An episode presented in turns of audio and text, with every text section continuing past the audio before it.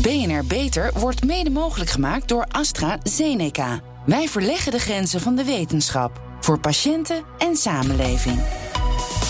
BNR Nieuwsradio. Beter.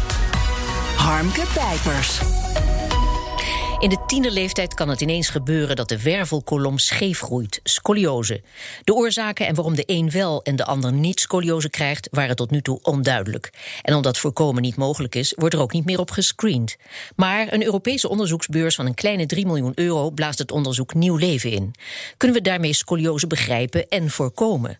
Daarover praat ik met Bert van Rietbergen, universitair hoofddocent aan de faculteit Biomedische Technologie van de Technische Universiteit Eindhoven, tevens verbonden aan de afdeling orthopedie van het Maastricht Universitair Medisch Centrum, en met Tom Slusser, orthopeed in het Wilhelmina Kinderziekenhuis. Ja, Tom, ik begin met jou. Scoliose, dat is een afwijking aan de wervelkolom, waar naar schatting 60.000 mensen in Nederland mee rondlopen. Hoe ontstaat die afwijking? Ja, dat klopt. Uh, we weten eigenlijk niet zo goed hoe uh, scoliose ontstaat. Dus de exacte oorzaak is eigenlijk onbekend.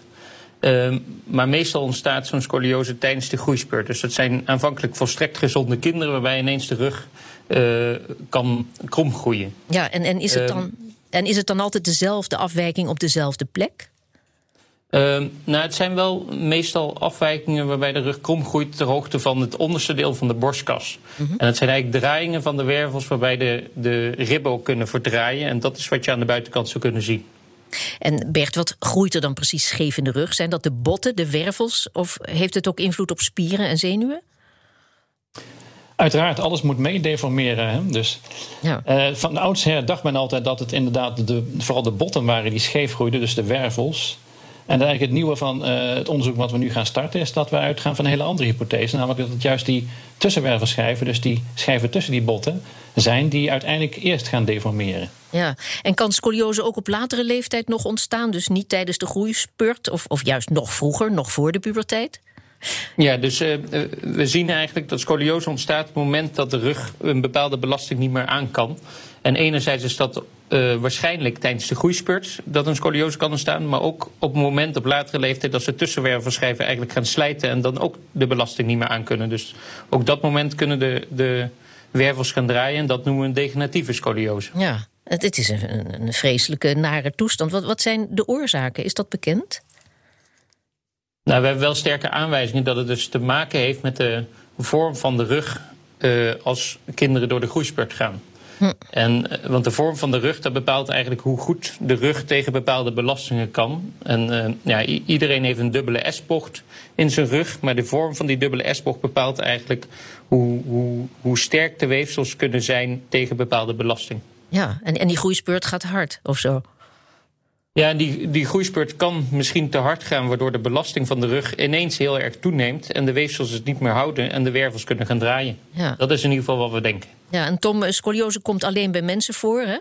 Bij jonge ja. mensen en niet bij andere zoogdieren zoals apen en katten. Die hebben ook allemaal een ruggengraat. Hoe kan dat? Ja, dat is eigenlijk heel gek dat het dus niet bij andere, ook rechtoplopende zoogdieren niet voorkomt. Hm. Het grote verschil is eigenlijk dat uh, de vorm van de rug van alle andere rechtoplopende zoogdieren anders is. Dus wij hebben een dubbele S-bocht met een holling in onze onderrug, terwijl eigenlijk alle andere dieren meer een één grote bolling hebben tussen hun nek en hun bekken. Ja, dus wij mensen hadden er nooit aan moeten beginnen aan dat rechtoplopen. Ja, dit kan wel. Uh, scoliose zou een consequentie kunnen zijn van, uh, van deze evolutie. Ja, en jij uh, ziet de patiënten. Hè? Voor welke fysieke problemen, Tom, zorgt zo'n scheef gegroeide rug? Ja. Ja, dus de, een scoliose op de kinderleeftijd, dat zorgt met name voor een vervorming van de borstkas. Dus dat is wat je aan de buitenkant zou kunnen zien. Uh, dus een asymmetrie van de ribben aan de achterkant of het schouderblad of de schouders die niet gelijk staan, de taille die asymmetrisch kan zijn. Dat is meer hoe het eruit ziet. Ja. Uh, dus met name pubers kunnen daar last van hebben zeg maar, van het zelfbeeld. Uh, meer problemen van de organen zien we alleen bij de hele forse scolioses. En over het algemeen geeft een scoliose ook niet heel veel meer rugklachten dan we bij andere mensen zien. Ja, maar jaarlijks komen er zo'n duizend patiënten bij, hè, vooral meisjes tussen de 10 en 18 jaar. Hoe komt het dat meisjes kwetsbaarder zijn dan jongens voor scoliose? Ja, meisjes gaan gemiddeld twee jaar eerder door de groeispurt. En waarschijnlijk dus ook met een andere vorm rug door de groeispurt. Dus als een babytje geboren wordt, dan heeft hij eigenlijk een bolle rug, een C-vormige rug. En ergens tijdens de groeispurt verandert dat in de dubbele S-bocht die volwassenen hebben. En meisjes gaan dus met een andere vorm rug door de groeispurt. Ja, en, en is er überhaupt bekend waarom de een wel scoliose krijgt en de ander niet? Ehm, nee, dat weten we eigenlijk niet. Ja. Het treft uh, veelal jongeren. Hè. Zij worden in hun tienertijd dus uh, met een fysieke afwijking geconfronteerd. En die afwijking is vaak ook uh, nog heel goed zichtbaar. Dat is geen pretje natuurlijk. Wat voor emotionele gevolgen heeft dat? Ja, dus we zien daar inderdaad veel forse problemen van het zelfbeeld bij die kinderen. Ja. De hamvraag is natuurlijk, Bert, kun je scoliose voorkomen? Nou, of we dat kunnen voorkomen, dat, uh, dat weten we natuurlijk nog niet. Uh We kunnen eigenlijk alleen maar vertellen wat we in dit project daaraan gaan doen. Hè? We willen eigenlijk proberen veel meer inzicht te krijgen in eigenlijk wat nou juist die oorzaken zijn van die scoliose. Want zoals Tom al vertelde, we weten eigenlijk niet zo precies hoe dat nou komt. En de hele hypothese is eigenlijk dat het toch een, een hele ongelukkige samenloop van omstandigheden is. Ja. Die te maken heeft met die groeispurt, maar ook met andere factoren. Ja. Over dat onderzoek en wat dat hopelijk op gaat leveren, gaan we het zo nog uitgebreid hebben. Maar daarvoor wil ik uh, toch eerst nog wat meer weten. Want Tom, met de huidige stand van zaken, is zo'n bocht in de ruggenwervel te verhelpen of volledig te genezen? Op dit moment behandelen we alleen de scolioses als ze uh, best wel fors zijn toegenomen. Uh, bij kinderen die nog in de groei zitten, kunnen we met een corset proberen de, eigenlijk via de ribben de rug rechter te duwen en rechter te laten groeien. Um, meestal lukt het alleen om ervoor te zorgen dat de bocht niet erger wordt. En niet echt de bocht te genezen. Mm. En bij de hele forse bochten moeten we soms een operatie doen. Ja, mensen met scoliose kunnen speciale oefentherapie volgen. Hè? Wat, uh, waar, waar, bestaat die therapie uit? Ja, die oefentherapie zijn eigenlijk uh, ademhalings- en houdingsoefeningen om de rug uh, rechter te houden. We zien daardoor dat, een, dat de rug rechter kan worden gehouden, maar niet zozeer dat de scoliose uh, daarvan afneemt. Hij kan wel kleiner lijken en het mhm. kan, de romp kan er beter uitzien, maar we zien eigenlijk nog niet dat de rug daardoor echt rechter groeit. Oh ja, ik heb in mijn omgeving meegemaakt dat een dochter scoliose had. En die moest oefeningen doen bij de fysiotherapeut. Ene heup optrekken, de andere. En daar kreeg ze zo genoeg van. Ze zette de muziek bij op. En toen is het tenslotte gaan buikdansen. En dat heeft erg mhm. geholpen. Is dit een raar verhaal of hebben we hier iets nou, aan? Als ze rugklachten had, dan kan het zeker daarvoor geholpen hebben. Want je ziet gewoon dat eigenlijk iedere vorm van spiertraining tegen de klachten van een scoliose zou kunnen helpen. Ja. Meestal zien we niet dat de rug er echt rechter van groeit. Ja. Nou, dat was de mooie uitzondering. Zeg, een andere mogelijkheid is dat de patiënt, dus dat eh, werd al gezegd, een zo'n stijf corset krijgt aangemeten, een brace. Hoe werkt zo'n brace? Ja, zo'n brace, um, die, uh, daarmee proberen we eigenlijk de wervels terug te draaien. Dus die zorgt ervoor dat u op bepaalde plekken druk zet om de uh, borstkas op bepaalde plekken terug te draaien. Uh, en daarmee de rug rechter te laten groeien. Er zijn eigenlijk twee verschillende soorten braces. Nachtbraces en braces die je dag en nacht draagt. Dus het zijn best wel intensieve behandelingen voor die kinderen. Ja, en, en wanneer krijg je een nachtbrace en wanneer moet je dag en nacht aan? Maakt dat verschil? Uh, nou, de, de, de, wereldwijde trend is dat de nachtbraces over het algemeen worden gebruikt bij de iets kleinere bochten, waarbij iets minder correctie nodig is. En de fulltime braces bij de uh, iets grotere bochten. Ja, en als zo'n brace uh, onvoldoende resultaat heeft, begrijp ik, dan uh, wordt er geopereerd. Dus alleen bij ernstige groeiafwijking. Wat gebeurt er precies tijdens zo'n operatie? Ja, ja, dus bij ernstige groeiafwijking, dat is wel zo'n 600 keer per jaar in Nederland. Um, dus dat is uh, toch vrij frequent. Wat er gebeurt bij zo'n operatie, dat is eigenlijk dat we uh, de grootste bocht vastzetten en ook wel wat rechter maken. Meestal wordt het niet kaarsrecht, maar we zorgen in ieder geval voor dat de rug een stuk rechter wordt. En die wervels die we dan opereren, die zetten we eigenlijk vast in de goede stand. Ja, maar het gaat om een patiënt die nog groeit. Hè? Is één operatie voldoende? Ja, dus we proberen de operatie meestal te doen aan het eind van de groeispurt, als ja. uh, het grootste deel van de groei is geweest. Als je echt moet opereren nog, uh, als een kind echt in de groei is, dan ja. zou je een groeisysteem kunnen gebruiken. Maar dat betekent meestal meerdere operaties. En, en wat betekent dat voor de patiënt? Ja, dat is natuurlijk een enorme belasting als een kind tijdens uh, de puberteit meerdere keren moet worden geopereerd. Ja. Zowel fysiek als ook mentaal. Ja, fysiek en mentaal, maar wat betekent het? Uh, rust houden, lang herstel, hoe moet ik het me voorstellen? Nee, eigenlijk zijn er meestal niet echt restricties qua beweging na zo'n operatie. Maar het betekent wel dat ze meerdere narcoses nodig hebben op de jonge leeftijd. Ja, ook vervelend. En kan de patiënt, als hij eenmaal geopereerd is, hè, kan hij dan gewoon weer aan de maatschappij deelnemen, werken net als ieder ander? Ja, eigenlijk wel. In het normale dagelijkse leven merken ze meestal geen beperkingen in de vorm van uh, uh, hun bewegelijkheid. Uh, de scolioses die we op oudere leeftijd opereren, daar zie je dat wel. Omdat dan vaak ook een groot deel van de onderrug is vastgezet. Oh ja. Dus die mensen zijn wat, wat stijver in de rug. Ja, dus dat is de reden dat we meestal de kinderen proberen te opereren aan het eind van de groeispurt. En niet pas als ze 40 of 50 jaar zijn. Want dan kunnen we een beperkte deel opereren om de rug recht te zetten. Ja. Bert, op het gebied van behandelen en opereren bij scoliose verandert er veel, begrijp ik. Zo werk jij aan een nieuwe operatietechniek om uh, de wervelkolom te fixeren en te corrigeren. Vertel, hoe gaat dat? Ja, dat is eigenlijk een heel ander project. Uh, wat we samen met Maastricht hebben uitgevoerd. Daar gaat het eigenlijk om inderdaad om die hele operatie, uh, eigenlijk het aantal operaties te kunnen reduceren door groei toe te laten. En dat komt er eigenlijk op neer dat je inderdaad toch de, de standaardbehandeling doet voor ernstige gevallen, waarbij de metalen staven in, uh, langs de wervelkolom worden gelegd. Waar langs die wervelkolom wordt strak getrokken, dus recht getrokken. Mm. En dat je dat minder vaak hoeft te gaan doen. Ja. En wat, wat zijn de voordelen ten opzichte van de traditionele aanpak, behalve wat je dan al genoemd hebt? Is minder ingrijpend? Het is vooral minder ingrijpend qua aantal operaties. Hè? Want je kunt dan uh, de hele instrumentatie, zoals we het noemen, kun je mee laten groeien als het ware. Je hoeft minder vaak te opereren. Ja, nou heb ik uh, begrepen, Tom, dat jongeren met scoliose veel röntgenonderzoeken krijgen. Hè? Nou is die straling natuurlijk niet bepaald gezond. Wat voor alternatieven zijn er inmiddels voor die schadelijke röntgenstralen? Uh, ja, de, de röntgenfoto's die tegenwoordig worden gemaakt bij scoliosepatiënten, dat is wel heel weinig straling. Dat is eigenlijk minder dan de achtergrondstraling die we in Nederland hebben. Uh, maar, maar als je heel veel foto's krijgt tijdens de groeispurt, dan telt dat wel bij elkaar op. Dus daarom hebben we alternatieven. Nou, de uh, alternatieven die we binnen dit onderzoek willen gaan ontwikkelen, dat is eigenlijk de bot-MRI. Dat is eigenlijk een MRI-scan die normaal is bedoeld voor de weken delen, de zachte weefsels zoals spieren en dergelijke. Um, en organen, die willen we nu ook gaan gebruiken om de botten en de tussenwervelschijf in beeld te krijgen. En een MRI maakt geen gebruik van straling. Ja. Daarnaast hebben we ook nog een, een speciale uh, werfklom echo die we tegenwoordig gebruiken. En dat zijn geluidsgolven, dus dat is ook geen straling. Bert, wat zijn de kosten van zo'n uh, scoliosebehandeling? Dat durf ik niet zo te zeggen, maar het is aanzienlijk duur. Dat kan ik u wel vertellen. Harmke Pijpers. Tot voor kort werd gedacht dat de oorzaak van scoliose het kromgroeien van de wervelkolom in de botten zat. Maar nu blijken de tussenwervelschijven mogelijk de boosdoener. Is met die wetenschap scoliose beter aan te passen? Daarover praat ik met Bert van Rietbergen, universitair hoofddocent aan de faculteit Biomedische Technologie van de Technische Universiteit Eindhoven. En met Tom Slusser, orthopeet in het Wilhelmina Kinderziekenhuis. Ja, Tom, wat is de functie van die tussenwervelschijven? En wat gaat daar precies mis bij scoliose? Ja, de tussenwervelschijven dat zijn eigenlijk een soort kussentjes tussen de wervels die normaal de beweeglijkheid uh, tussen de wervels toelaten, maar ook ondertussen wel goede stevigheid geven aan de rug.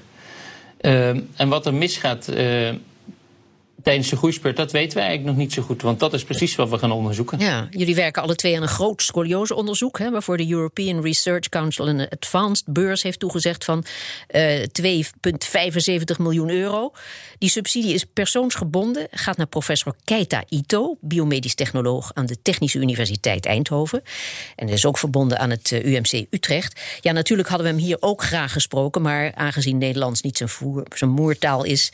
en ik op de radio helaas niet voor ondertiteling kan zorgen, dat wil zeggen tot op heden nog niet, zijn jullie gekomen. En daar zijn we uiteraard heel blij mee, want jullie zijn ook heel nauw betrokken bij dit belangrijke onderzoek.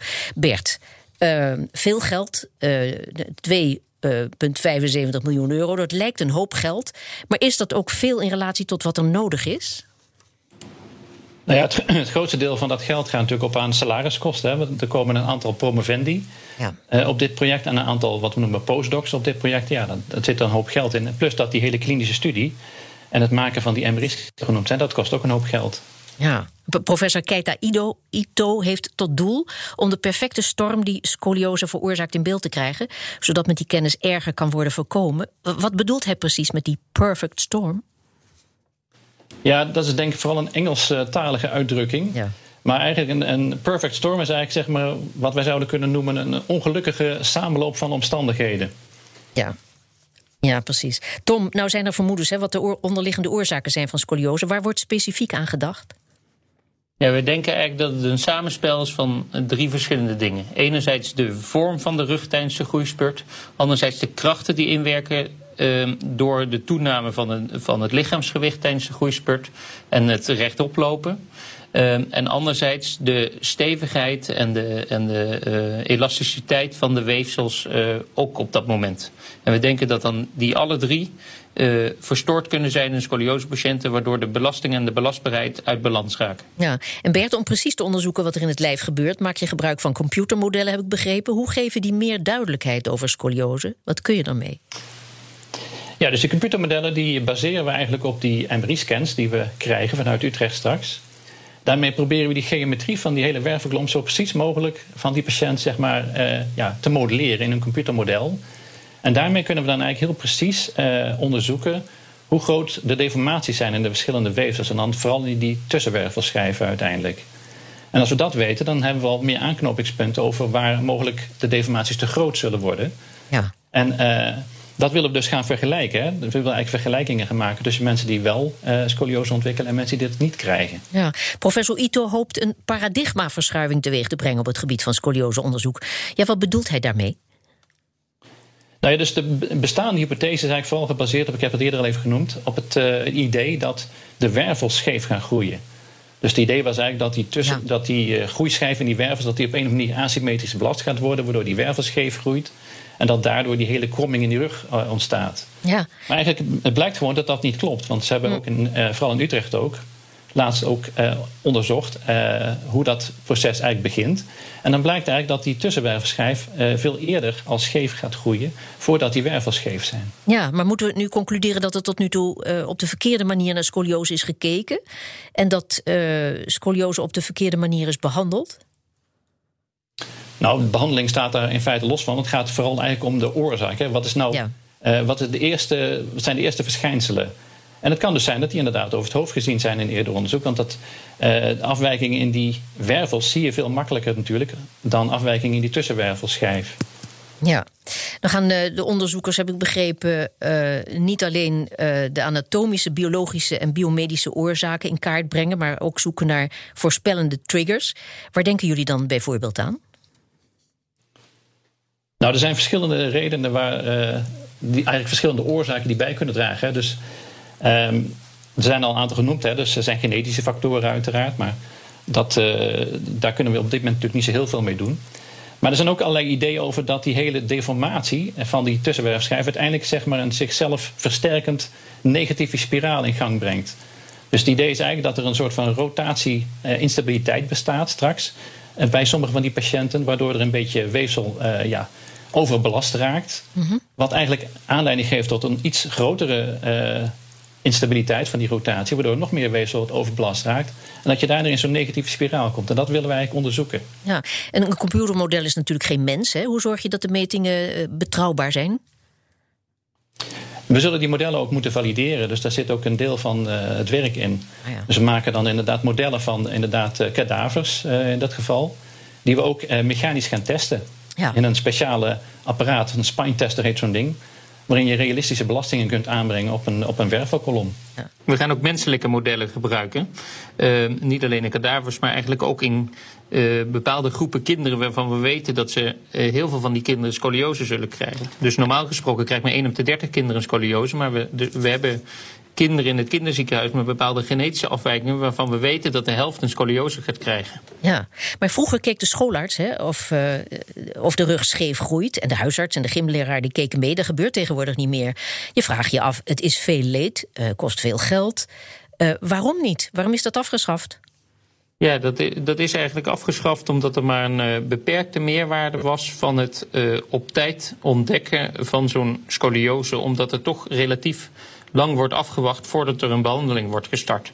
En de scolioses die we nu behandelen, dat zijn scolioses die vaak al toch aan de buitenkant te zien zijn. Ja. Maar we hopen natuurlijk als we de oorzaak weten dat het ook zinvoller wordt om eerder te gaan behandelen, nog voordat de scoliose echt aan de buitenkant goed te zien is. Ja, wanneer de resultaten van het onderzoek bekend zijn, tegen die tijd hopen we zeker weer van jullie te horen. Hartelijk dank Bert van Rietbergen en Tom Schlusser. En wil je meer weten over het onderzoek naar scoliose? Kijk dan op www.bnr.nl/beter. Zorgvernieuwers. Er zijn volop ontwikkelingen in de zorg. Nieuwe medicijnen, technieken en behandelmethoden maken het leven van de patiënt beter en het werk van de specialist makkelijker. Wat zijn de laatste innovaties? In het Erasmus Medisch Centrum is voor het eerst een patiënt met een bekkenbreuk en osteoporose met botontkalking geopereerd met een nieuwe techniek. Traumachirurgen gebruikten daarbij geen schroeven zoals gebruikelijk is bij botbreuken, maar speciale titaniumbalkjes om het bot weer vast te zetten. Ja, Dennis den Hartog is traumachirurg van het Erasmus Medisch Centrum. Schroeven zetten in broze botten, dat lijkt me sowieso niet prettig, niet heel effectief. Maar ja, mensen met een bekkenbreuk, die moet je toch ook helpen. Hoe gebeurde dat tot nu toe? Toch met die schroeven? Ja, inderdaad. We gebruiken over het algemeen voor het vastzetten van botbreuken schroeven. En uh, die schroeven zorgen normaal voor voldoende stabiliteit. Tenzij dus de botkwaliteit afneemt door osteoporose. En dan verliezen ze de grip. Ja. Zeg, en, en nu worden titaniumbalkjes gebruikt om de breuk vast te zetten. Klinkt chic. Vertel, hoe werkt dat? Nou, het titaniumbalkje heeft uh, meer volume. Uh, het is een, een, balkje wat een driehoekige vorm heeft met een ruw oppervlak, waardoor, waardoor er direct veel grip in het bot ontstaat. Mm -hmm. En er zijn ook allerlei gaatjes gemaakt in het oppervlak, zodat de ingroei van het bot mogelijk is. Dus er is directe stabiliteit en er is mogelijkheid tot ingroei van het bot in dat balkje. En dat geeft de stabiliteit die nodig is om de botbreuk te laten genezen. Ja, en het gebeurt via een sneetje in de bil, begrijp ik? Ja, dat klopt. Het is uh, een minimale uh, benadering, klein sneetje. En uh, dan gaan we verder met röntgenstralen bepalen waar het blokje komt te zitten. Ja, maar een balkje in een bot zetten of een schroefje lijkt me nogal een verschillen. Is het niet heel ingrijpend voor de patiënt? Nee, dat valt dus juist heel erg mee. De techniek is niet heel anders dan de schroef die we plaatsen. We moeten vooral uitkijken dat we de zenuwen niet raken. Maar daar zijn we in getraind en dat kunnen we ook met röntgenbeelden zien. Maar na de operatie zijn de patiënten vaak direct pijnvrij en kunnen zelfs belasten. Dus de dag na de operatie kunnen ze al lopen. Ja, fantastisch. Titanium is natuurlijk ook geen lichaams-eigen materiaal. Uh, dat feit zorgt dat nog voor uh, afstoting of, of irritatie? Nee, dat valt gelukkig mee. We hebben lange tijd al ervaring binnen de traumachirurgie met het gebruik van titanium schroeven en platen. Mm -hmm. En het lichaam kan daar eigenlijk heel goed tegen. We zien zeer zelden reacties van het lichaam waarbij het niet verdragen wordt. Dus uh, hier kunnen patiënten levenslang mee door. Ja. Het Erasmus Medisch Centrum had de Europese primeur hè, met deze operatie. Wat is nu de verwachting? Gaan veel andere ziekenhuizen deze methode ook toepassen? Ik verwacht wel dat het toeneemt. Uh, natuurlijk is er ook nog een onderzoeksverband om het bewijs aan te, te, aan te voeren dat dit ook een goed alternatief is, of eigenlijk een beter alternatief dan de gewone schroeven, met name in osteoporotisch bot. Dat betekent dat een aantal bekende bekkencentra in Europa patiënten zullen gaan includeren voor een studie. En als daar de resultaten van bekend zijn, verwacht ik dat er steeds meer patiënten op deze manier geopereerd worden. Te meer omdat osteoporose een veel voorkomend probleem is en, en vaker gaat voorkomen gezien het vergrijzen van onze populatie. Ja, hartelijk dank en heel veel succes, Dennis den Hartog. En wil je meer weten over deze operatiemethode? Kijk dan op www.bnr.nl/beter. En tot zover deze uitzending van BNR Beter. Op bnr.nl/slash beter is deze uitzending terug te luisteren of on demand via de BNR-app en op uw favoriete podcast. We zijn ook op Twitter te vinden onder BNR Beter, dus heeft u tips voor ons, laat het ons weten. Ik ben Harmke Pijpers. Graag tot een volgend spreekuur. BNR Beter wordt mede mogelijk gemaakt door AstraZeneca. Wij verleggen de grenzen van de wetenschap voor patiënten en samenleving.